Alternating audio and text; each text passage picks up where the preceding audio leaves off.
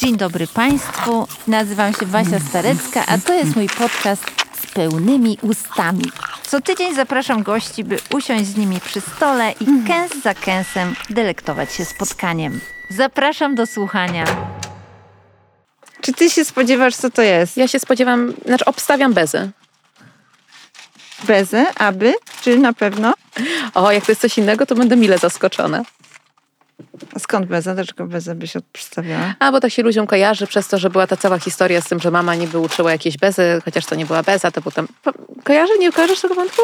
Że tam w lekcji stylu było, tam ktoś się zapytał, jak... Y, y, był taki wątek, jak elegancko zjeść ptysia, a potem um, Oleksy powiedział, że mama uczy jeść bezy. Chciałam A, ci i to zada- jest ptyś! Chciałam ci no. zadać to pytanie właśnie. No właśnie. Czyli ty, ale to dobrze, czyli ty jakby masz właściwe źródła Tak. i wiesz, że to był ptyś. To był ptyś. A nie Beza. Obejrzałam ten odcinek. Poczekaj, A obejrzałaś ten odcinek? Tak. Obejrzałam archiwalny odcinek, Obejrzałaś? bo twój styl, Boże, twój styl, TVN Style przypomniało ten odcinek. Naprawdę? Em, Jakiś czas temu z okazji swoich urodzin czy coś, tam jakaś była celebra i wyobraź sobie, że no właśnie, że to jeden z kultowych w ogóle momentów e, stacji, e, programu, który zresztą miał wiele sezonów, bo twoja mama prowadziła ten, tą lekcję stylu przez 4 lata? To jakiś kawał czasu No, albo i dłużej, nie wiem, dużo, dużo było tych sezonów. Uczyła Polki właśnie jak być damą w domu i w obejściu. W domu w ogrodzie. W domu i w ogrodzie. No i słynna właśnie scena, kiedy pokazywała jak zjeść ptysia. Właśnie i teraz jest mi głupio, bo ja nie widziałam tego odcinka i w domu o tym nie było. I szczerze mówiąc, nie mam techniki tej opalcowanej. No ja jak- też bym to tak po prostu chapsnęła. Znaczy obstawiam, gdybym miała obstawić jak... em, Jakby co z tym można zrobić, żeby było w miarę elegancko, Tak. to bym chyba obstawiała, żeby może jakoś zdjąć tą górę i, Mhm. i, i tak, Tak. wiesz, żeby nie robić tego po prostu, nie próbować przejść przez wszystkie warstwy, tylko tak tu trochę z boku, tu tak to trochę z, z, na bok odłożyć, to ten, ten, wiesz, kapturek czy coś, tak, coś takiego było? To powiem ci, jak twoja mama No. to zrobiła. Zdjęła mu kapelutek, No. to puzderko z wierzchu i za pomocą widelca i łyżki kroiła go na mniejsze kawałki, czyli widelcem Aha. przytrzymywała ciasto, a łyżka służyła trochę jako nóż i robiła takie małe dziapsy. Ale wyglądało to i tak dosyć brudnawo, w sensie ten talerz był cały w Tak. tym kremie. Tak, bo mi się wydaje, że po prostu to chyba nie jest rodzaj deseru, który się podaje na jakichś takich bardzo eleganckich przyjęciach u królowej brytyjskiej. Wiesz, bo to mówimy tylko o takich, no umówmy się, kto się przejmuje takimi duperelami w innych sytuacjach? Ty się nie przejmujesz? Nie. W ogóle nie. No to zjedzmy go tak, jak nam e, Jak- się chce. Tak, Mamy tak, e, ochotę. czekaj, jak- Tak czy siak I to zdjęłam, widzisz? A A bo, to, bo, ale ja teraz jestem zestresowana, że ty patrzysz i że to jest jednak jakieś, jakieś poważne zadanie. Mało, że patrzę, to jeszcze nagrywam, najgorzej. Nag- ja się trochę czuję, jakbym się znęcała nad tobą, wiesz? Nie, ale patrz, ja sobie, patrz, ja to sobie zdjęłam. Ja uważam, że zrobiłam to super, obiektywnie. Zdjęłam ten, ten kapelutek, nabrałam sobie tego kremu i sobie ukroiłam ten kapelutek. Tą łyżką sobie ukroiłam. Aha, dobra, poczekaj, to ja z, Zrób- będę kopiować, tak. No, trochę zobacz, rozmazać, Nawet nie rozmazałam. Wzięłam tak, najpierw mam więcej kremu niż tego ciasta. a ty wszystko w ogóle łyżką zrobiłaś. wszystko zrobiłam łyżką, jestem niesamowicie sprawna. Mmm, jakie dobre. Jezu, wiesz jak to smakuje? Jak ciepłe lody. Ciepłe lody. No. O kurczę, ubite białko z jakąś cytryną. No, to jest, jest. Sok cytrynowy. Boże, ale smak dzieciństwa. Tylko jeszcze była taka e, czekolada na wierzchu zawsze, nie? Taki był rożek ten od lodów. tak. To na dzień dokładnie. Ale I jestem na zaskoczona, bo y, ptyś mi się Mhm. zawsze kojarzy z takim, takim ciężkim kremem, a Mm. tu jest rzeczywiście taki, Bardziej kwaśnym. a tu jest taki krem jak z ciepłych lodów. Mm, Totalnie. Kapianka. Mm. Ty co, lubimy ptysie? O Jezu, lubimy, lubimy słodycz, lubimy desery. Mm. Lubimy. Witam Państwa z pełnymi ustami i zapraszam na kulinarne słuchowisko z Aleksandrą Kwaśniewską. Witam serdecznie. To jest takie zdanie, którym zawsze zaczynam ten podcast i ono nie może wybrzmieć wcześniej, no bo muszę mieć rzeczywiście te pełne usta, żeby to wszystko powiedzieć. Więc witam cię już oficjalnie. Jak powinnam cię zapowiedzieć? Aleksandra Aleksandrowna? Ty tak o sobie zabawnie zawsze mówisz. Tak No, zwana nie Kwaśniewska. A, no tak, mówię o sobie tak zwana kwaśniewska. No bo wiesz, ja jestem, ja jestem tak zwana kwaśniewska, albo tak zwana mała kwaśniewska, albo tak zwana młoda kwaśniewska. jakby przyzwyczaiłam się do tej drugorzędności. Ta Aleksandra Aleksandrowna to jakoś tak sobie kiedyś wymyśliłam na tym Instagramie wiele lat temu i po prostu boję się, że jak to zmienię, to już nikt, nikt nie, Nie będzie wiedział, że to ja. Lubisz jadać, ty się lubisz jadać desery? No w ogóle tak, lubię wszystko z kremami. Mm. Kremówki, mm, napoleonki, eklerki, a lubię pączki też. Lubię drożdżówki. Lubię takie na przykład rożki, jak są z takim kremem pistacjowym w baticie. Czyli wszystkie taki. takie mm, obłoczne tekstury, takie puszki, chmurki. puszki, chmurki, ale jak jest taki cięższy, jak jest taki cięższy krem, to też lubię. No byle nie był taki bardzo maślany. Na przykład Mm. tortów nie lubię bardzo, Mhm. bo dla mnie ten, w ogóle nie przepadam za biszkoptem, a jak jest jeszcze e, ten biszkopt przesmarowany takim maślanym kremem, to mnie kompletnie nie bierze. To, kompletnie. I tak samo na przykład jak jest tiramisu, to jedyne tiramisu, które dla mnie jest akceptowalne, to jest takie w pucharku, gdzie jest bardzo dużo kremu i mało biszkoptów. Mhm. Na przykład taki tiramisu typu torcik, gdzie to są głównie te biszkopty, jeszcze taka bardzo wyczuwalna ta kawa i mało tego kremu i Mhm. taki właśnie jeszcze maślany za bardzo, nie daj Boże, taki sztywny, wręcz nie lubię. Czy wobec tego wypiekasz? Nie, właśnie to jest jedyna rzecz, której e, nie robię w kuchni. Bo po pierwsze, mi się to e, trochę jawi jako jakaś taka alchemia, Mhm. że tu musisz dokładnie, bo wiesz, ja w ogóle w kuchni bardzo lubię improwizować. Ja wszystko robię na oko i, yy, i trochę, wiesz, coś dodaję i zobaczę, co, zobaczę, co z tego wyjdzie. Ty Mm. próbuję i myślę, kombinuję, co dalej. A z ciastami nie bardzo tak możesz, no bo po prostu musisz to zmieszać, wło- włożyć do, yy, tam wyrobić, włożyć do piekarnika, no i jest gotowy efekt. No nie możesz w trakcie sprawdzać, czego należało dodać mniej albo więcej. I to mnie trochę zniechęca. Plus to, że bardzo lubię słodycze, więc po prostu wiem, że gdybym ja zaczęła piec, to ja bym po prostu strasznie dużo tego jadła. Kiedyś na przykład zrobiłam takie, takie czekoladowe, wiesz, takie, takie ciasto, no taki trochę, taki trochę fondant, nie? Taki z takim płynącym środkiem. I jak sobie uzmysłowiłam, ile ja tam dałam czekolady, cukru i masła i że ja to jednak koniec końców całe zjadłam znaczy podzieliłam się, no ale jednak dużo tego zjadłam. Nie zjadłabym normalnie tyle tego typu rzeczy, kupując to gdzieś tam. To pomyślałam, że to jest jednak bardzo niebezpieczna droga dla mnie, ślepy zaułek. Bo, e, więc wolę się tego nie uczyć, bo po prostu boję się, że odbiłoby się to na moim zdrowiu. Ten moment już wielokrotnie omawiałeś z różnych perspektyw, moment, kiedy twój ojciec zostaje wybrany na prezydenta, ale on mnie ciekawi właśnie pod względem kuchni i jedzenia. Czy Mhm. on miał jakiś wpływ y, na jedzenie w waszej rodzinie? Czy było od kogo się uczyć gotować w związku z tym? To jest ciekawa sprawa, bo ja mm, wykazywałam takie em, zainteresowanie kulinariami jako dziecko, a ten pałac mnie tak trochę zblokował, bo po pierwsze w, w, tym... em, w tym apartamencie prezydenckim, który jest na ostatnim piętrze, jest bardzo maluteńka kuchnia. To jest taka mała, ciemna kuchnia pod skosem i ona jest tak wyposażona, no, żeby tam de facto zrobić sobie y, he- herbatę i kanapkę. Jakby to, to, nie, to nie są takie, wiesz, warunki inspirujące do, go- do gotowania, a do tego jest normalnie kucharz tam, e, wiesz, w, nor- w takiej regularnej kuchni e, na dole, e, no, z którego z założenia masz korzystać. E, Więc ja w ogóle miałam, ja się strasznie tego wstydziłam. Znaczy ja, ja jak, jak e, zamieszkaliśmy w pałacu, było dla mnie tak potwornie krępujące, że ja mam do kogoś dzwonić i prosić o obiad, że przez e, pierwszych parę miesięcy prosiłam za każdym razem mamę, żeby zadzwoniła i coś zamówiła, bo po prostu no potwornie mnie to krępowało. No ale wiesz, przyszedł ten moment, że już mamy nie było nigdzie w odwodzie i musiałam, a ja byłam głodna i musiałam zadzwonić sama. Byłam tak strasznie tym skrępowana, że zadzwoniłam, tam pamiętam, odebrała taka pani, pani Tereska, która była taką pomocą e, i, i mówi, "Dzień dobry, e, no Ola Kwaśniewska, ja dzwonię, bo chciałam zapytać, czy mogłabym prosić o obiad. I słyszę takie, Mileczkę, Jacek, dzwoni jakaś Ala Wiśniewska i chce obiad. No więc zrozumiałam, że muszę troszeczkę odważniej. Ale wiesz, ale to też były takie czasy, no bo to był 95 rok. To, to nie było tak, że ci kucharze, wiesz, ci kucharze byli po gastronomiku. To, to nie było jakieś, wiesz, kurde, francuskie sko- szkoły, Aha. wiesz, tam od cuisine. Właśnie. To były bardzo proste rzeczy. I e, zwykle oni mieli w repertuarze parę takich popisowych dań, ale to nie było coś takiego, że to, bo, wiesz...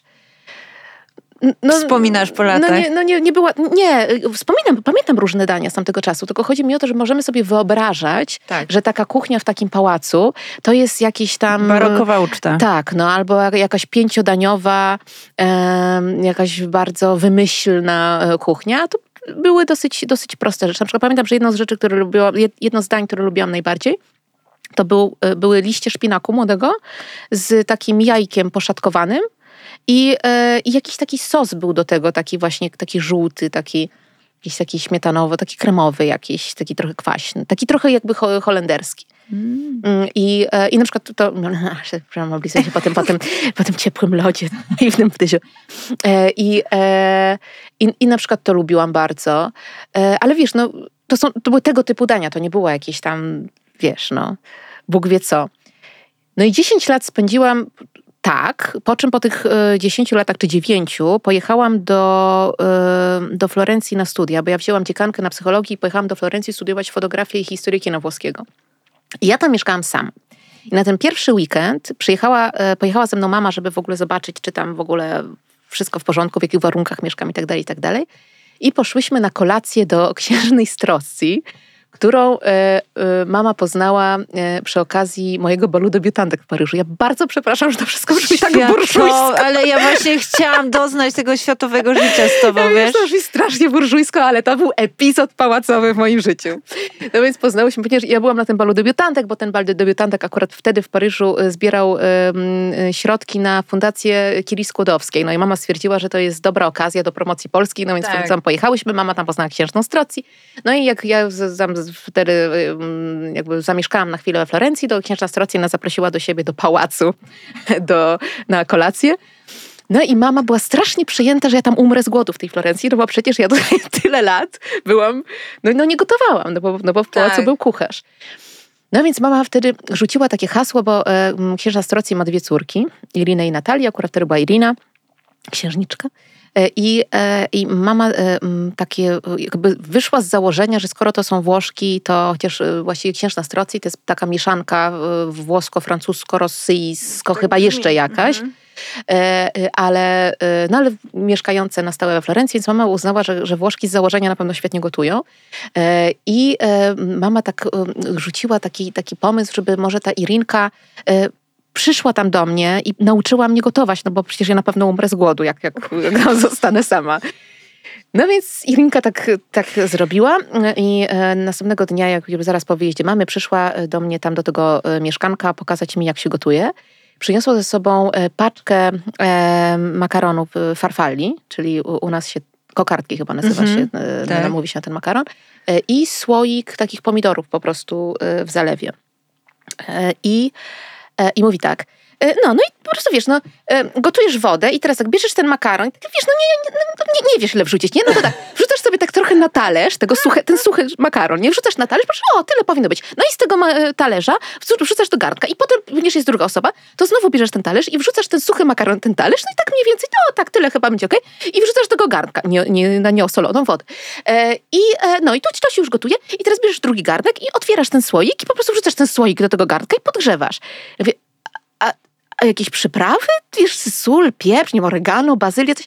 Nie, nie, nie, nie, nie, to będzie dobre. Słuchaj, i jadłyśmy ten makaron bez żadnego smaku, po prostu makaron niesłony, z tym sos, z pomidorami po prostu bezpośrednio wiesz z puszki. Więc bardzo szybko się zorientowałam, że jednak o gotowaniu intuicyjnie wiem więcej niż księżniczka e, Irina. E, więc to mnie zachęciło do, do takiego eksperymentowania właściwie od pierwszego dnia już tam z, w, w kuchni. I ja de facto gotować nauczyłam się wtedy we Florencji, jak mieszkałam sama. Piękna historia. Gotowałam codziennie. Słuchaj, bo y, mówisz o tym epizod pałacowy, ale właściwie taki typowy studencki klasyk. Makaron z pomidorami, ewentualnie ryż z jabłkiem. To jedzą ja studenci. Myślę, ale sól dodają, myślę. Tak, mogą sól dodawać, albo serek topiony tak, dla, coś, coś, do bo, bo to naprawdę było to nie było doznanie. Czyli wtedy zaczyna się e, okres eksperymentu tak. w kuchni. Produktów jest wystarczająco. Produkty były cudowne, bo tam było, e, wiesz, miałam swój ulubiony sklep, chyba Standa to się nazywało e, i tam były zawsze tak, rukola była z Sycylii, pomidory z Sycylii. Rukola z Sycylii, słuchaj, smakuje jak, ona jest tak ostra i taka chrupiąca mhm. i taka mięsista, to było przepyszne. I generalnie tam naprawdę wystarczyło kupić tą e, rukole, pomidory i y, mozzarellę, bufale i po prostu trochę to doprawić i to po prostu było niebo w gębie, wiesz, i dobrą oliwę z, oliwek, bo tam, no wiesz, to jest kuchnia produktu. Hmm. I ta włoska kuchnia, właściwie miłość tej włoskiej kuchni ze mną została, e, bo ja ciągle bardzo, znaczy w ogóle w mojej rodzinie uchodzę za absolutną ekspertkę od e, włoskiej kuchni i zawsze jak trzeba przygotować właśnie jakiś makaron, cokolwiek tego typu, to, to zawsze ja jestem typowana. E, ale potem pojawiły się u mnie takie wpływy azjatyckie, bo ja też uwielbiam, bo to są moje dwie, dwie ulubione, właściwie powiedziałabym nawet, że śródziemnomorska kuchnia, to, to jest nawet, poszerzyłabym ten rejon o cały obszar Morza Śródziemnego e, i, i kuchnia azjatycka to są takie moje faworyty. I lubię też jakoś tam to sobie jedno z drugim troszkę zmieszać. Lubię tymi tajskimi przyprawami podkręcać różne rzeczy. Ja w ogóle mhm. lubię przyprawy bardzo. Ja lubię bardzo takie konkretne takie smaki, takie... takie ach. Czy gotujesz na co dzień?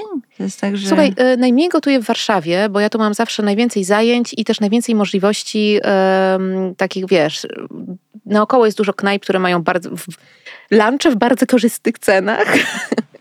E, I, y, I jakoś tak tu mam poczucie, że w stosunku do tego, jak mało mam generalnie czasu, to musiałabym poświęcić bardzo dużo czasu na coś, co mogę w bardzo prosty sposób i w sumie niedużym kosztem e, po prostu jakby sprowadzić sobie kurierem do domu, czy dostawcą właściwie tak. do domu, albo po prostu to odebrać gdzieś tam dwie minuty od domu.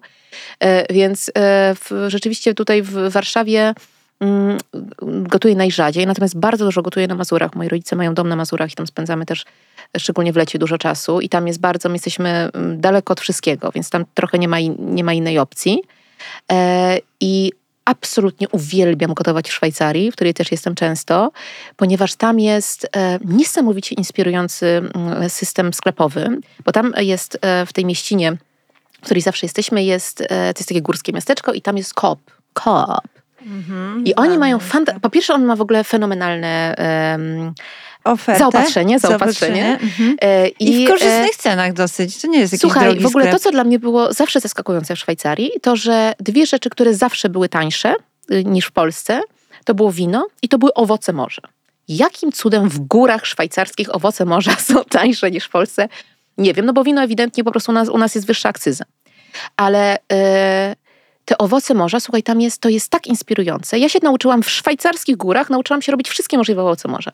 E, mule, e, wągole, czyli co, e, to, sercówki. E, tak, e, w, przegrzebki, e, no praktycznie po prostu tam, bo tam wszystko jest, wiesz, świeżuteńkie, w bardzo dobrych cenach i w dodatku mają system, który uwielbiam, że tam poza tym, że są codziennie takie akcjon, że każdego dnia mhm. jakiś produkt jest w ofercie tego dnia, jest, że jest taniej, to oni tam jeszcze mają taki system, że jeśli coś się zbliża do daty, do terminu ważności, mhm. to automatycznie jest przecenione o połowę. Czyli nie ma tego, że po prostu jak masz, jak coś ma ważność do jutra, to po prostu wystawia się na początek, e, wiesz, półki, a nóż nikt się nie, nie zorientuje, tylko automatycznie jest naklejka, że to już jest przecenione 50%. A jak jest w ogóle tego dnia, na przykład do tego dnia, to w ogóle 70%. Więc to jest moja ulubiona zabawa. Idę do kopa i próbuję kupić jak najwięcej produktów na akcjon i kombinuję, jak to potem złożyć. To jest szalenie satysfakcjonujące, bo potem wiesz, idę do tej kasy samoobsługowej, tylko widzę, ile, ile zyskałam, nie? ile zaoszczędziłam. Też ta półeczka jest szczególnie atrakcyjna, jeżeli chodzi o sery, bo te przycenione, te takie najbardziej dojrzałe Dokładnie. są też przy okazji najbardziej smaczne. Nie, to jest w ogóle, a tym bardziej, że wiesz, jeśli idziesz y, zrobić zakupy na obiad, który jest dzisiaj, no to co mnie to, co mi to mm. robi, że, to, że termin jest do dzisiaj, jak ja to i tak e, dzisiaj planuję tak. spożyć. No tak. Więc to jest w ogóle genialny system i szalenie taki pobudzający e, wyobraźnię i inspirujący, no bo właśnie masz, wiesz, trochę kierujesz się tym, zobaczymy, co będzie na akcjon i, e, i, i ten, w, ten, w ten sposób kombinuję. I tam gotuję bardzo dużo. Tam gotuję praktycznie codziennie. A jest jakieś takie danie w tym twoim repertuarze prywatnym, którego nie możesz się doczekać, jak już jedziesz i wiesz, że zaraz jutro, pojutrze pójdziesz na zakupy i sobie coś przyrządzisz? Wiesz co, no to chyba głównie to owoce morza, bo po prostu wiem, że tam zawsze jest, więc ja się tam zawsze na, na, nastawiam na mule, a ja w ogóle mule lubię właściwie tylko w jeden sposób. Bardzo nie, nie, lubię tych sosów musztardowych, jakichś takich tych, y, albo jak jest tylko winny. Jakby dla mnie mule muszą być jednak czymś podkręcone. I ja najbardziej lubię, jak są w takim e, winno-maślanym sosie z czosnkiem, chili, pietruszką i pomidorkami. Mm. I to jest wtedy takie, one, one mają taką, mm. wiesz, ten sos jest właśnie taki winno-maślany, mm. ale jest podkręcony jednak taką ostrością i tym czosneczkiem. I ty, ten pomidorek tak orzeźwia i ta pietruszka.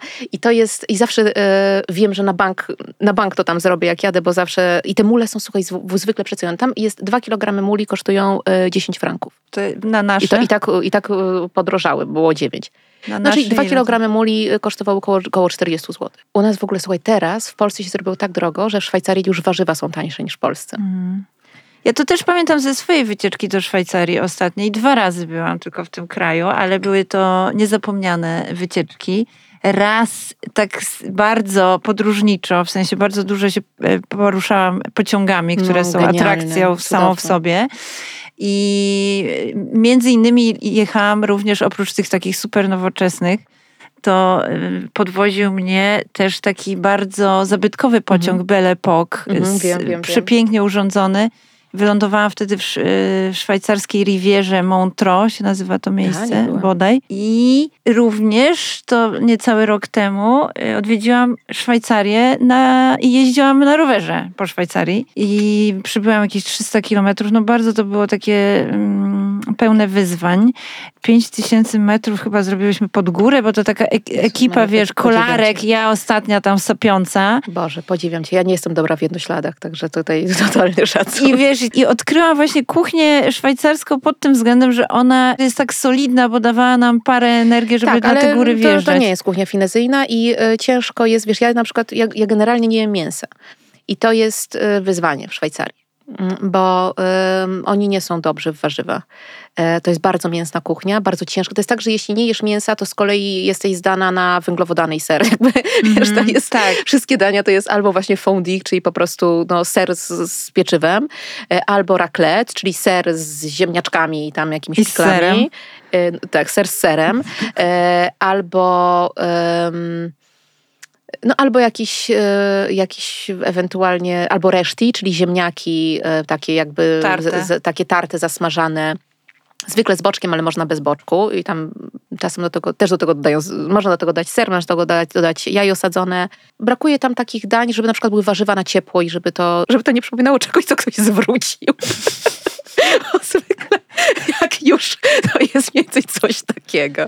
No tak, ale z tego co widzę, Szwajcarzy zdają sobie sprawę z, z pewnych em, niedociągnięć tej swojej kuchni, jeżeli chodzi o warzywną ofertę i co jakiś czas tam powstają takie inicjatywy właśnie dni wegańskich, jakieś takie święta, wiesz, jak te Znaczy, warzywa słuchaj, oswajają je Ja już, znaczy w sklepie, e, w sklepie nie ma żadnego problemu. W sklepie są wszystkie możliwe warzywa, również jakieś właśnie takie o- orientalne e, i, e, i są, nie wiem, i wegańskie jogurty, i wegańskie mleko i e, tu, tu w ogóle nie ma żadnego Mm. A ty sięgasz po problemu. takie substytuty właśnie? Tak, tak. Ja też ja nie mogę laktozy, wiesz, mm. Mm. także... em, Czyli kawka też jest Kawka jakimś... jest z ryżowym mlekiem, A. to jest moja ulubiona. Więc, więc ja- jak sama się stołujesz, to to nie jest żaden problem, bo rzeczywiście tam tych produktów masz do wyboru, do koloru. Ale w restauracjach, e, a już zupełnie no, w takich jakichś przaśnych, tak jak na stoku, to, to jest, e, no wiesz, to ja już po prostu wiem, gdzie jest co, w której knajpie jest jedno danie, które mogę zamówić. Mhm. Wiesz, bo to są naprawdę pojedyncze rzeczy, Ale to są. podobnie na naszej prowincji myślę, a szczególnie Nie, jeżeli my- chodzi o na góry. na- no może tak. To masz ale, koryta ale, jakiegoś wieprza, wiesz, do tego jest... y, Wiesz, ja pamiętam, bo ja pierwszy, pierwszy mój taki y, okres wegetariański y, miałam bardzo wcześnie, on trwał w dodatku bardzo długo, bo ja przez 12 lat nie jadłam mięsa od 12 roku życia. No ale to były takie czasy w Polsce, kiedy to w ogóle nie było powszechne.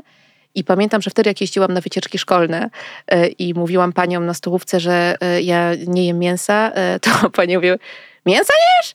To co ty jesz? Kiełbasy? Więc mniej więcej takie było wtedy pojęcie. Subs- substytutów żadnych. Znaczy to jedyne, co ja mogłam dostać, to, to był panierowany żółty ser smażony. To, to, było, takie, to było takie klasyczne Mhm. wegetariańskie danie.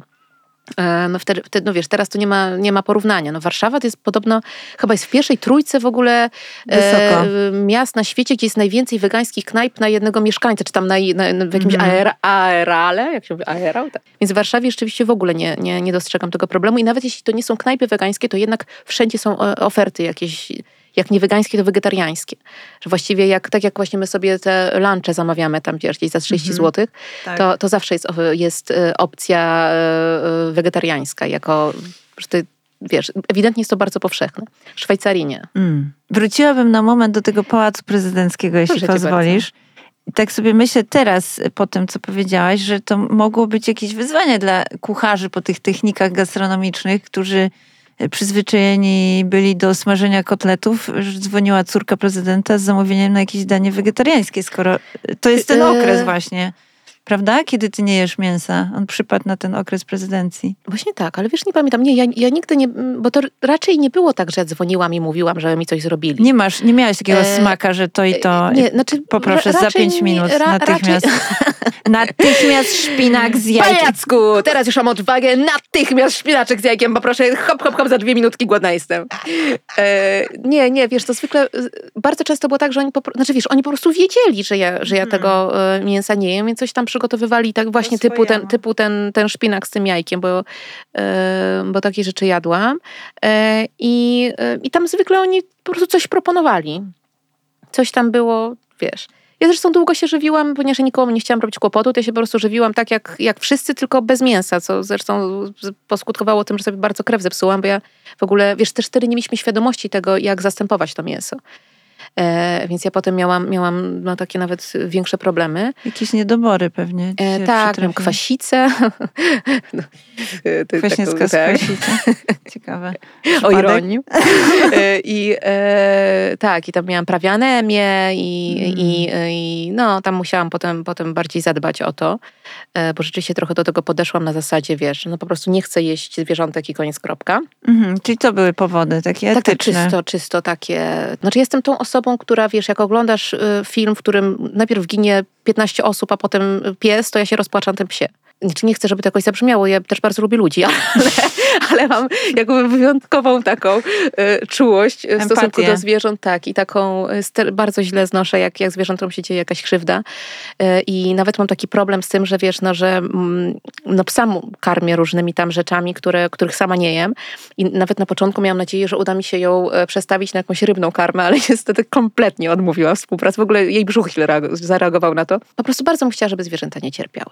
Jedyne właściwie sytuacje, w których jem mięso, to jest albo jak jestem w podróży i i po prostu jest to na przykład, nie wiem, jakiś regionalny przysmak, którego e, chcę spróbować ze względów poznawczych, albo na przykład jak jestem w gościach i ktoś przygotował mięsa, to wtedy myślę sobie, że y, jednak y, z dwojga złego lepiej jest to mięso zjeść niż wyrzucić. Znaczy uważam, że najgorsze, co można zrobić, to wyrzucać mięso. To, to, jest, to, to mnie w sumie ze wszystkiego boli najbardziej. Mm. Że wiesz, jakieś zwierzę poświęciło to życie, a ktoś to po prostu, wiesz, robi za dużo i wywala. Tak, zmarnowanie istnienia No. takie.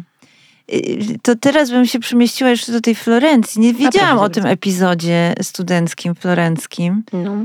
Ym, bo to jawi się jako jakiś taki moment y, względnej beztroski, bo wyobrażam sobie, że ty w Mm. Polsce, no właśnie, mierzysz się z różnymi wyzwaniami wciąż, mimo że tej prezydencji już nie ma, to, to zostały pewne jakieś wyzwania związane z, z tamtą rolą. A, a tam mogłaś być względnie anonimowa. Czy tak, Tak. było rzeczywiście? Tak było i w dodatku nawet tam chyba coś innego jeszcze mną kierowało. Właściwie myślę, że to było kilka rzeczy naraz. Po pierwsze, że ja zawsze w sobie miałam e, jednak bardzo duże takie pokłady kreatywności, który, które nie do końca dopuszczałam do siebie jako coś, co może być e, pomysłem na życie. Bo wiesz, ja jestem generalnie z rodziny lekarzy i prawników. I e, mój tata jest czarną owcą, będąc prezydentem. Więc e, wiesz, no ja raczej to, to były zawsze poważne zawody. Więc w ogóle nie, ja to zawsze traktowałam, wszystkie takie moje e, naturalne talenta traktowałam jako coś takiego. Po pierwsze, mi się wydawało, że wszyscy tak mają, że po prostu wszystkim łatwo przychodzi napisanie wierszyka, e, wiesz, napisanie tego, tamtego. Po prostu myślałam, że, tak, że to nie jest nic specjalnego, bo mi to przychodzi tak łatwo. Skoro mi to przychodzi tak łatwo, to na pewno wszystkim przychodzi tak łatwo. E, I, I też jakoś nigdy nikt mi nie zasugerował, że to, wiesz, że to może być jakiś pomysł. e, no, Ale wiesz, jak to jest. No, dzieciom się raczej mówi, że powinni, powinni mieć po, porządny zawód. Mhm. Ja i tak poszłam na psychologię, więc wiesz. No jakiś konkretnych fakt. Tak, no my e, jesteśmy z tej generacji, y, wobec której się oczekiwało właśnie jeszcze czegoś konkretnego. Ale ja myślę, że nawet tak no, e, z logicznego punktu widzenia, no pewnie gdybym ja miała komuś tak poradzić co, do wyboru studiów, to też bym chyba poradziła, jeśli ktoś się waha nad różnymi, żeby skończył takie studia, które dają pewny zawód, a nie Mm. e, wiesz, coś takiego, no, że właśnie nie wiesz, co potem Mhm. robić. E, więc ym, mnie, też tam nikt do niczego nie przymuszał nigdy, ale, Mhm. ale jakby nie miałam takiego wzorca, że to jest w ogóle opcja, ten, ten, Mhm. ta, ta Rozumiem. kreatywna strona.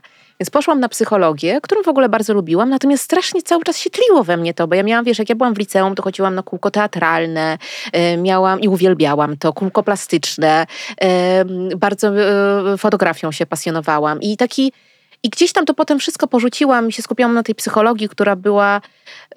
ja miałam wrażenie, że to jest po prostu, że co, co semestr muszę się mordować ze statystyką, którą specjalnie żeby mnie zdezorientować, co semestr nazywają innym przedmiotem. Że raz to jest jakiś, jakaś metodologia, potem statystyka, potem jakiś pomiar jakiś tam. Słyszałam o coś... niej, słyszałam o niej, że jest upiorna właśnie na tym kierunku. Jezu, ja tego tak nie znosiłam i, i miałam wrażenie, że, że ciągle się morduje właśnie z tymi jakimiś wzorami, wykresami.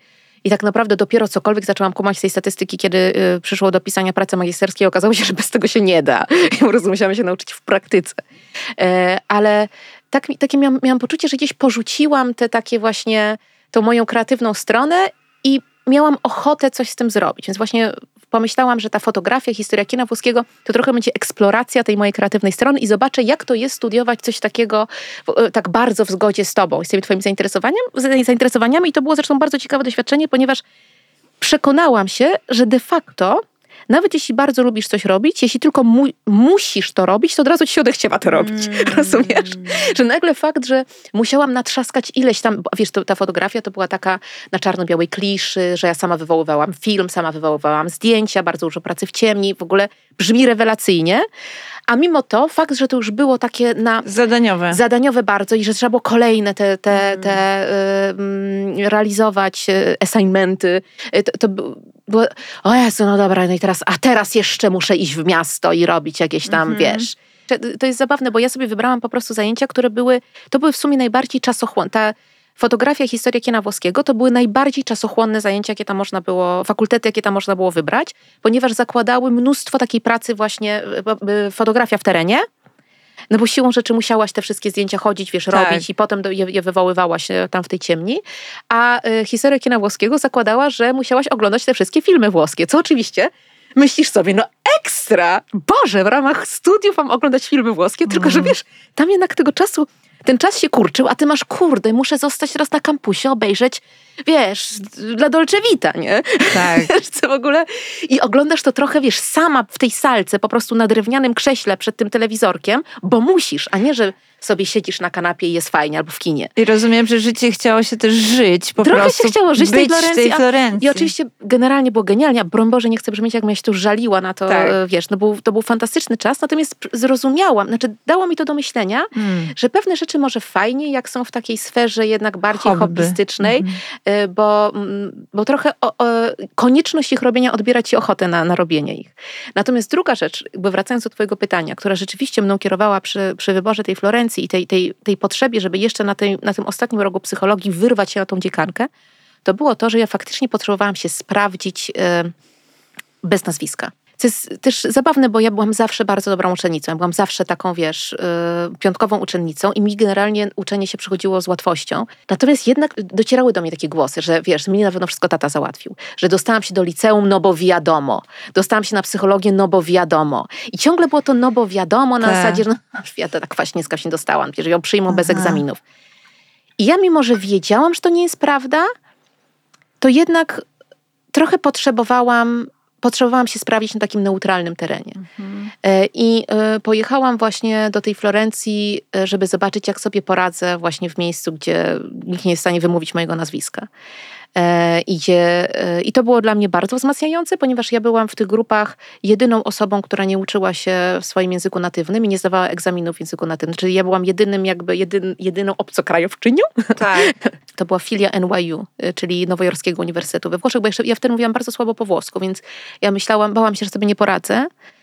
Generalnie chciałam studiować we Włoszech, ale bałam się, że mój włoski jest niewystarczający, więc znalazłam filię Amerykańskiego Uniwersytetu we Włoszech bardzo to jest, jest to skomplikowana konstrukcja, więc uczyłam się po angielsku, tak. I przy okazji, i tam też się uczyłam cały czas włoskiego, czyli uczyłam się fotografii, historyki na włoskiego i włoskiego. Czyli jednak bardzo zajęty czas. Byłam bardzo tam zajęta, tak. I, także ja zdawałam egzaminy po angielsku, no poza włoskim oczywiście. Czy udało ci się tam odpiąć wrotki trochę? Był hmm. czas, żeby tak co, nie, pożyć, nacieszyć się tą się, anonimowością? Ja nie mam chyba takiego charakteru, żeby tam, żeby robić Bóg wie co, wiesz, że... że yy... Nie tańczyłaś na stole z makaronem świeżo ugotowanym. I nie, miałam okresy tańczenia na, na stole, ale, znaczy, ale to były jakieś takie pojedyncze wydarzenia yy, i yy, chyba nie tam. Mi tam w ogóle brakowało, słuchaj, to, jest, to też było ciekawe doświadczenie, bo ja byłam przekonana, że, te, że ja w ogóle bardzo lubię Włochy i, i lubię Włochów i, i, w ogóle czułam, że to jest takie, w ogóle ja mam, wiesz, moje panieńskie nazwisko mojej mamy to jest Konty, E, I ono prawdopodobnie było e, zapisywane Conti przez C i mhm. prawdopodobnie to jest nazwisko włoskie i...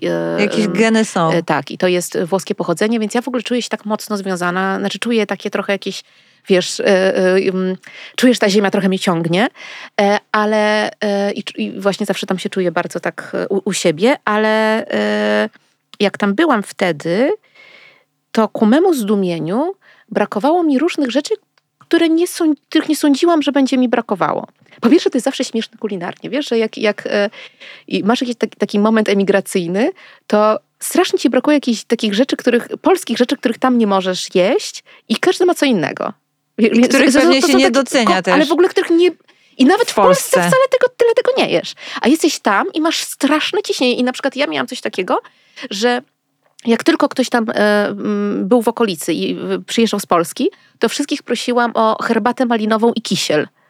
Miałam straszną jazdę na herbatę malinową herbapolu, którą cały czas bardzo lubię, ale kisiel, ja, ja prawie w ogóle nie jem kiślu.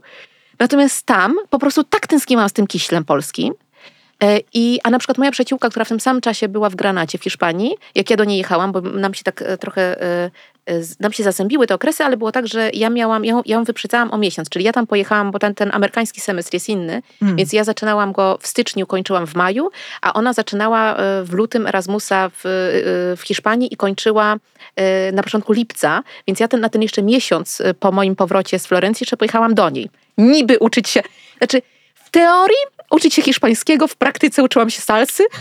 Mm. Myślę, że to był może i lepszy wybór. E, Brzmi I, jak orgazmus, a nie Erasmus. E, I e, e, no wiesz, to potem zaowocowało tym, bo ja potem nawet uczyłam salsy przez jakiś czas. Tak. E, no, no, w każdym razie e, co chciałam powiedzieć? A i do Kasi wiozłam krówki i śledzie, bo ona z kolei miała na to największy ścisk. Więc po pierwsze brakowało mi tych rzeczy, a po drugie strasznie mi brakowało takiego takiego polskiego dzielenia włosa na czworo, wiesz? Takich nocnych Polaków Aha. rozmów, takiego, żeby z kimś usiąść i tak porozkminiać. Że życie było za lekkie. Wiesz co, nawet takie zapowierzchowne, wiesz? Aha. Że, bo i Włosi i Amerykanie są powierzchowni, tylko w, in, w inny sposób. Bo Włosi, z Włochami się gada głównie o y, jedzeniu. Mhm. Głównie. To jest 80% rozmów.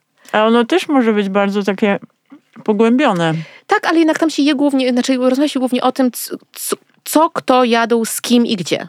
To muszę ci powiedzieć, że ja podzielam tą tak? skłonność. Mhm. Znaczy ja to podzielam do jakiegoś stopnia, ale jednak e, ja to lubię tak sobie właśnie podywagować na różne tematy. Rozumiem. Tak sobie... Ale muszę ci powiedzieć, że nie mogę się doczekać, jak właśnie wszystkim będę opowiadać, jak to jadłam ptysia z Olą Kwaśniewską. Ja go dojadam, przepraszam, ale on mnie korci. Ale słusznie, swoją... bo ja, ja, też bym dojadła, tylko strasznie dużo gada. E, ja bardzo lubię te takie rozmowy. Teraz może też nie mam do tego tak strasznie dużo okazji, no ale wtedy na studiach uwielbiałam absolutnie. I, i e, Dywagować. Wiesz, takie wiesz, taki młodzieńczy okres, okres to jest taki trochę, wiesz, o co chodzi z tym światem, nie? Taki po prostu... Tak, ale też pewnych... Tematy damsko-męskie się rozkminia bardzo. ale wiesz. też pewnych radykalnych idei, bo wszystko się wydaje jasne, oczywiste. E, znaczy tak, człowiek jest, wydaje, się, wydaje mu się wtedy, że jest bardzo mądry, a jest dosyć głupkowaty. Potem, potem jednak zaczyna łapać to, że, te, że wszystko jest jednak bardziej szare niż czarno-białe. E, ale no właśnie do tego się dochodzi też tymi rozmowami. Mi tego bardzo brakowało. Ja pamiętam, że jak wróciłam do Polski, to miałam, Jezu, ja byłam tak strasznie szczęśliwa, że jestem i po prostu każda dziura w drodze mnie cieszyła, tylko że po paru dniach mi rąbnęli radio z samochodu. sobie przypomniałam.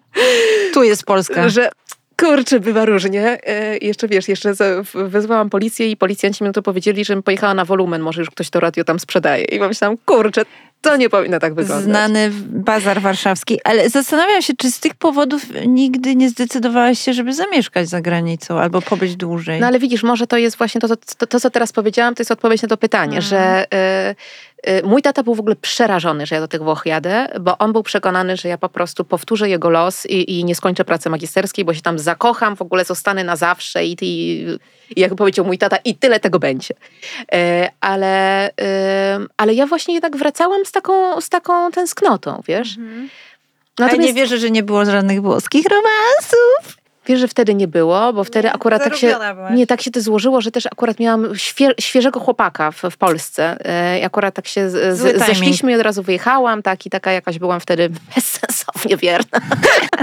A i tak się rozpadło. Jeśli mój podcast wpadł Ci do ucha, to zachęcam, by dać temu wyraz. Na przykład ocenić podcast na 5 gwiazdek w serwisie Spotify lub zostawić komentarz na Apple Podcasts. Możesz także pomóc mi go rozwijać. Dziękuję wszystkim, którzy już zdecydowali się to zrobić, czyli wesprzeć mój podcast na Patronite. Szukasz przepisów, rekomendacji i pomysłów, jak delektować się życiem z pełnymi ustami? Zajrzyj na moje profile społecznościowe. Nakarmiona Starecka to Instagram, Facebook i blog. Wszędzie tam znajdziesz jeszcze więcej przyjemności.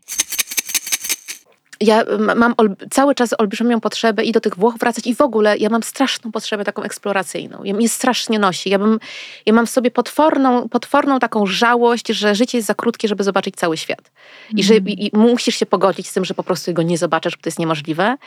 E, I e, staram się to nadrabiać, oglądając jakieś, wiesz, e, programy, tudzież portale, znaczy te jakieś blogi podróżnicze, jakieś, no wiesz, tego typu rzeczy, jakieś konta podróżnicze i tak dalej ale ja mam strasznie w sobie coś takiego, że ja cały czas potrzebuję wiedzieć, co jest za rogiem, co jest za tym, wiesz, mm. pagórkiem, co jest. Strasznie lubię wiedzieć, co jest dalej, dalej, dalej, dalej, dalej. Ale bywasz regularnie w Szwajcarii. To tak, jest tak. trochę taki drugi dom, mam wrażenie. Jest, tam jest, jest jakiś mam... pałac, dacza, co nie, to nie, jest? Tam po prostu, ja mam rodzinę w Szwajcarii, wiesz, bo siostra mojego taty wyjechała do Szwajcarii właściwie zaraz po moim urodzeniu, więc ona tam już mieszka y, ponad 40 lat.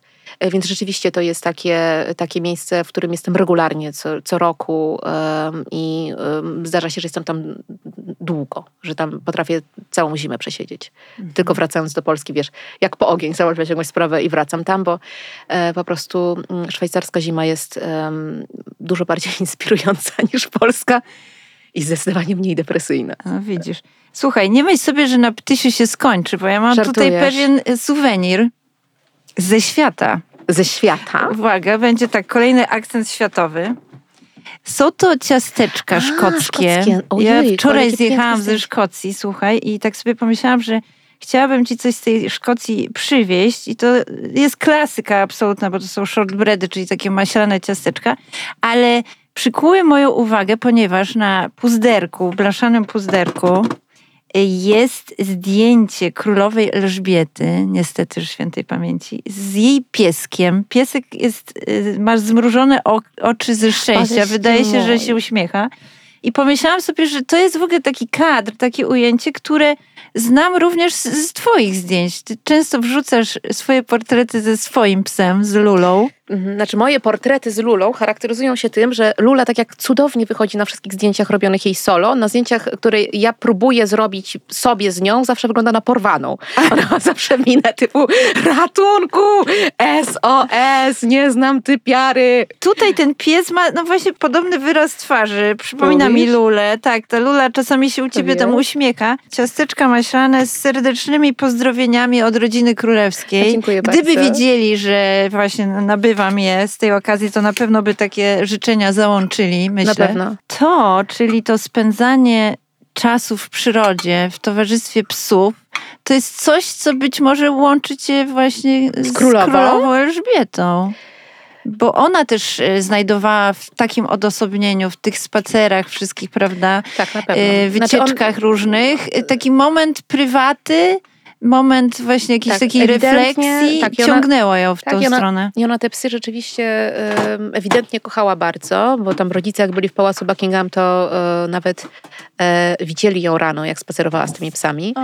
E, no ona niestety polowała również, co dla mnie jest kompletnie niewyobrażalnym zajęciem. To nie twoje. Natomiast...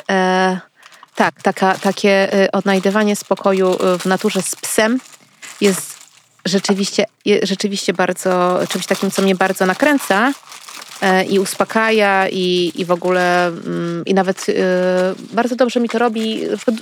E, świetnie mi się, mi się wymyśla teksty piosenek na, na To spacerach z chciałam spytać, co ci dają te spacery, bo, bo często to pokazujesz właśnie ten czas taki w Bardzo przyrodzie. lubię, no, bardzo lubię. I to w ogóle to jest fenomenalna w ogóle Zawiało masłem. em, fenomenalna funkcja dodatkowa psa, że on cię rzeczywiście motywuje do tych spacerów. Jak gdyby nie było Luli, to ja na bank bym nie wychodziła codziennie na jakieś kurcze godzinne spacery, wiesz, nad Wisłą albo gdzieś tam. W ogóle nie, nie eksplorowałabym tak terenu. Ja, ja niesamowicie poznałam w ogóle miejsce, w którym mieszkam, tak z obrzeżami. Tak. O, jest teraz do mnie zawiało tym masłem. Poprzez Lulę właśnie, bo y, ja, nie, no, ja bez niej nie, nie zapuszczałam się tak, wiesz, a ona mnie jednak motywuje do tego, żeby ciągle szukać jakichś nowych miejsc, takich trochę dzikich, gdzie, gdzie tam, Szwendać się. tak, e, poszwendać się, chociaż e, teraz parę dni temu to się zakończyło, mogło się zakończyć dramatycznie, ponieważ po, w trakcie takiego szwendactwa wpadłam do bagna. O rany. Ale to już na polskiej ziemi. Tutaj, tak, no, w Warszawie, no, kilometr od domu.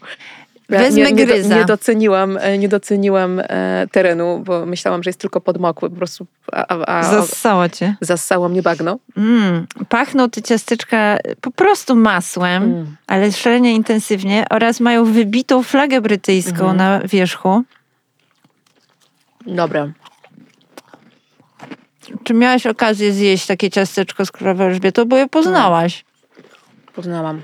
To też była historia, bo ja nie miałam jej poznać. bo ta wizyta królowej Elżbiety to była pierwsza w ogóle oficjalna wizyta e, za czasów e, pierwszej e, kadencji taty, więc to było w ogóle jakieś totalne... A wiesz, królowa do, do każdego kraju przyjeżdża raz. Mm. raz w życiu. Więc e, e, to było jakieś, e, no takie, od, od razu ta poprzeczka była zawieszona bardzo wysoko i mnie w ja w ogóle nie miałam brać w tym udziału. Ja sobie siedziałam w pokoju, odrabiałam lekcje, wiesz, w dżinsach i e, dostałam telefon, taki jeszcze były stacjonarne wtedy, nie, komórek nie było, że e, królowa brytyjska życzy sobie mnie poznać. Ja, ja, ja myślałam, że umrę. Ja po prostu, ja, ja, Jezus Maria, Wiesz, ja nie miałam żadnego, ja nie przeszłam przez y, y, Protokół? żaden protokół. Nikt, ni, nic mi nikt nie mówił na ten, nikt, nikt mnie niczego nie uczył, no bo nie miałam w tym brać udziału, więc ja wiedziałam, że to jest jakieś wielkie wydarzenie, że tam właśnie jakieś są zasady i tak dalej, i tak dalej, no ale mnie to nie dotyczyło. No i oczywiście naj, najbardziej byłam przerażona tym, jak się ubrać, żeby mama była zadowolona. Wiesz, to był czas, kiedy ja się nosiłam generalnie jak grunge'uwa, więc ja chodziłam e, w jeansach, rozciągniętych swetrach taty i e, martensach pomarańczowych. E, No a tu wiesz, królowa Elżbieta, więc no założyłam jakąś sukienkę, jakieś takie, mm, takie, takie chyba czułenka, które kupiłyśmy na audiencję u papieża. No i jakoś tam, wiesz, Dygnęłaś. Zeszłam, zeszłam, tak, dygnęłam, mama była zadowolona e, i e, mam takie właśnie, to zdjęcie, które tam wrzucałam, tam może nie widać, ja jestem cała po prostu w pąsach. E, zdjęcie jest czarno-białe, więc może pod tym względem to mniej widać. Ale generalnie oni byli bardzo mili, i ona i, i e, książę Filip. I pamiętam, że książę Filip, e, on, on mi opowiadał o tym, że ma wnuków w podobnym wieku, e, Williama i Harego. I ja tak nie wiedziałam, jak zareagować, trochę udawałam, że pierwsze słyszę. tak, naprawdę, no wiesz. E, cytując e, Hugh Granta z filmu Notting Hill, surreal but nice. Bardzo lubię ten cytat.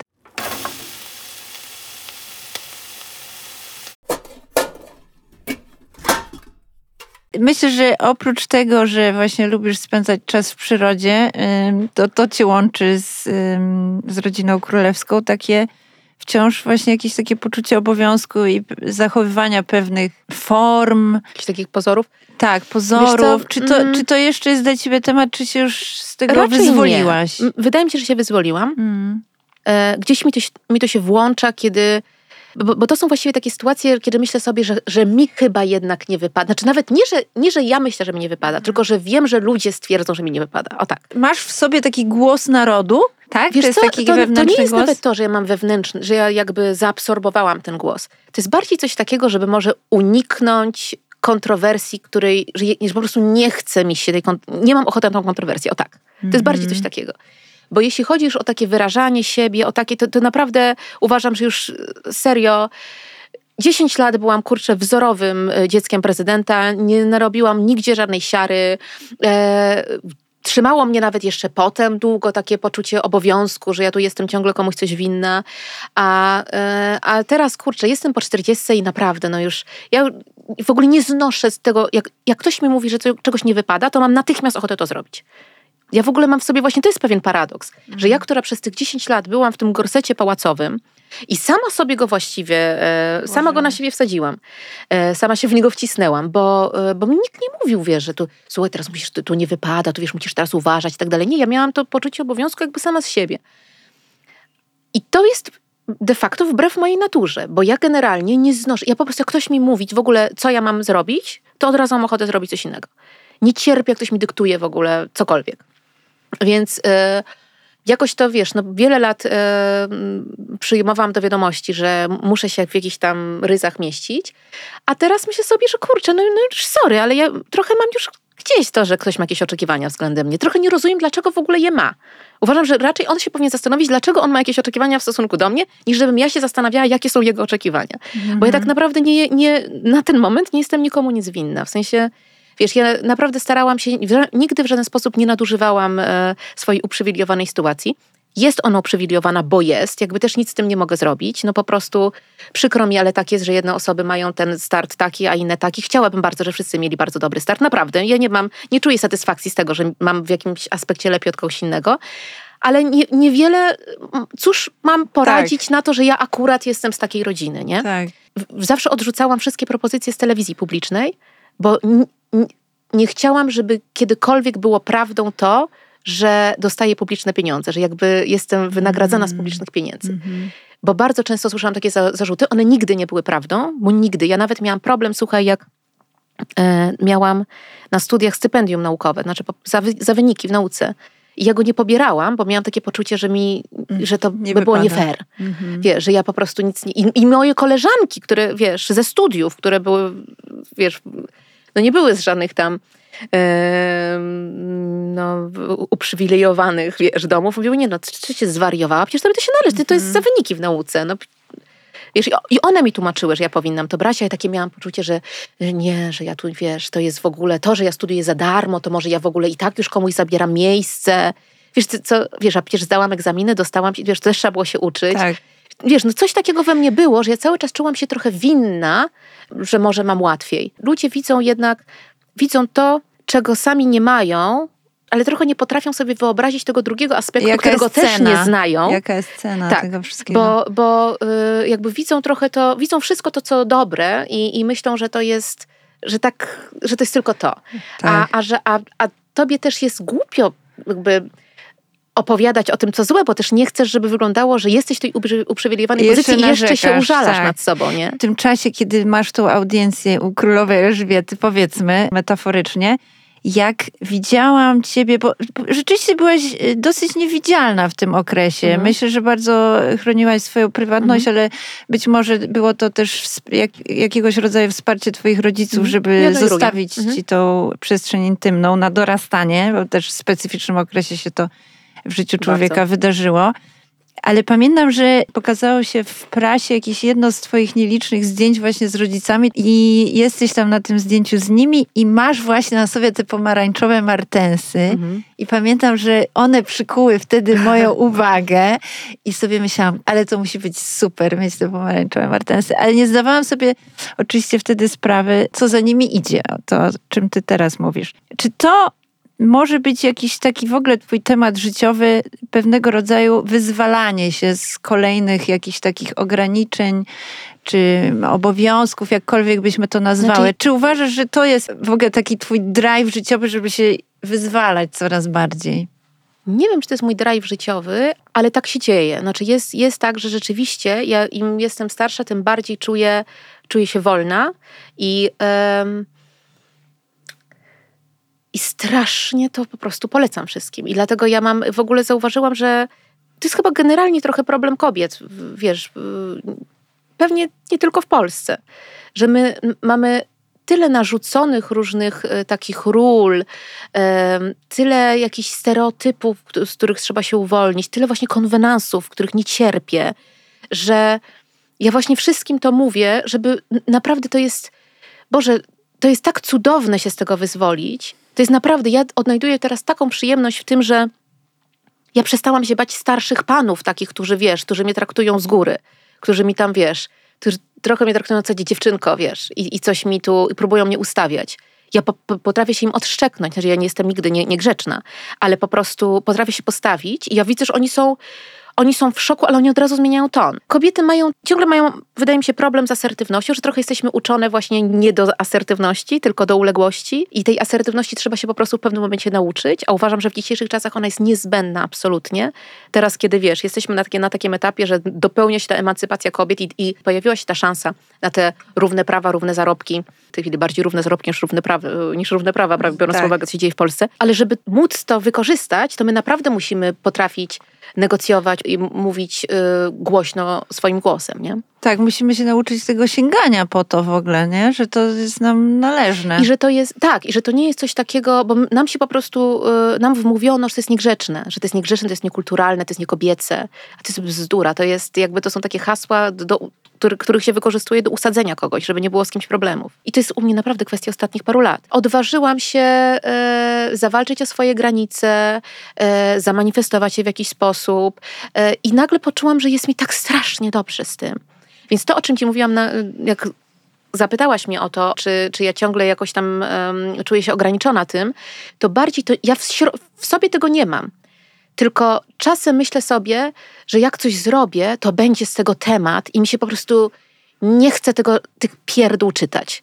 Po prostu nie chce mi się rozkręcać jakiegoś mm. takiego zainteresowania swoją osobą, że ja teraz będę musiała się wszystkim tłumaczyć, wiesz, z jakiegoś y, jednego zdania, które, które powiedziałam, albo z tego, że nie wiem, byłam za skąpo ubrana, albo jakby ważę to, czy mi się chce tego zamieszania, Rozumiem. ale równocześnie wyrywa mi się, bo na przykład mam coś takiego, że jestem szalenie czuła na punkcie Igi i Świątek naprawdę y, po prostu mam szalenie matczyne odczucia w stosunku do niej. Po prostu uwielbiam, uważam, że jest po prostu fenomenalną dziewczyną i wszyscy powinniśmy ją hołubić jako nasze dobro narodowe.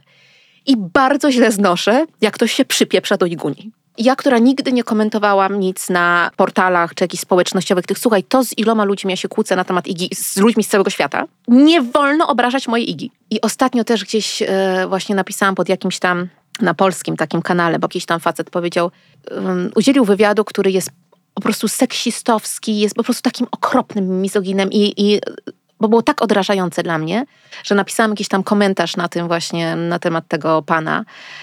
A no nie wytrzymałam. Wiesz, ale to jest taki poziom dyskusji, do którego ja w ogóle nie chcę schodzić. No przecież no ja nie mm. będę się teraz z jakimiś chłopcami na inwektywy biła, tak. nie? Po prostu kto, kto umie brzydsze słowo, nie? Nie żałuję tego, że to napisałam, natomiast właśnie chodzi mi potem o ten cały proces, wiesz, że potem mi się nie Ale z drugiej dyskutować strony, z jakimiś takimi, wiesz... Wiesz, ty masz y, mocno słyszalny, docierający głos i wydaje mi się, że, że właśnie dobrze czasami jak go używasz w takich celach, bo on może mieć taką moc zmieniającą świat, co przynajmniej dotrze być może do osób, do których y, y, jakiś inny by nie dotarł. E, są tematy, które warto podnosić. One po prostu hmm. powinny podlegać y, dyskusji. Jak popatrzymy na przykład na związki partnerskie i na to, w jaki sposób są traktowane osoby LGBT y, plus w Polsce, mm. no to dla większości to będzie zawsze temat marginalny, bo ich to nie dotyczy. Ale dla tych osób to jest temat numer jeden, bo oni nie mogą, kurczę... Normalnie żyć. Nie mogą normalnie funkcjonować, nie mogą, yy, nie mają dostępu do, do medycznej dokumentacji tam swojej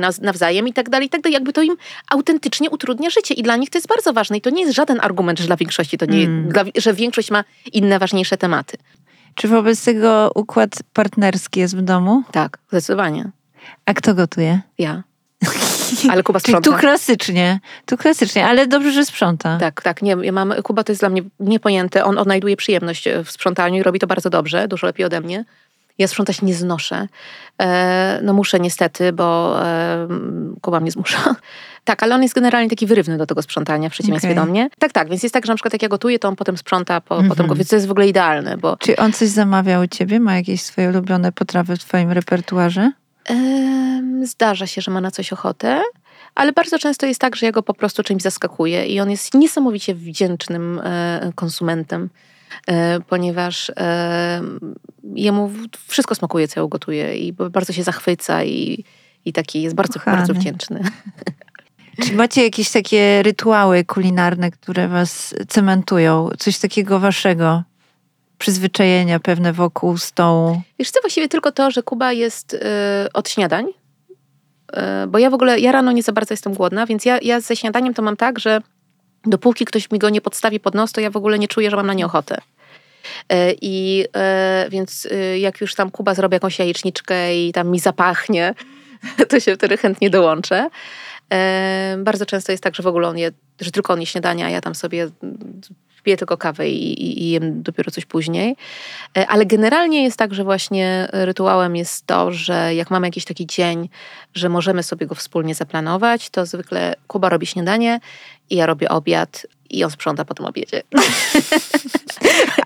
A wychodzicie czasami, bywacie, czy Jezu, to nie, słuchaj, tak nie jest możliwe? My, my, jest, my yy, zdecydowanie częściej zamawiamy coś po prostu do domu, bo mm. wtedy możemy to zjeść w dowolnym momencie, często niezależnie od siebie, bo my po prostu naprawdę w Warszawie mamy strasznie dużo zajęć zupełnie niezależnych. Kuby bardzo często nie ma, bo on gra koncerty, yy, więc yy, i też przez to, że my w sumie mamy mało tego czasu razem w domu, tak już jesteśmy w domu, to chcemy być w domu. Nie, nie, nie mhm. ciągnie nas do tego, e, do knajpy, a poza tym ja jestem, słuchaj, ja jestem tak straszną dresiarą.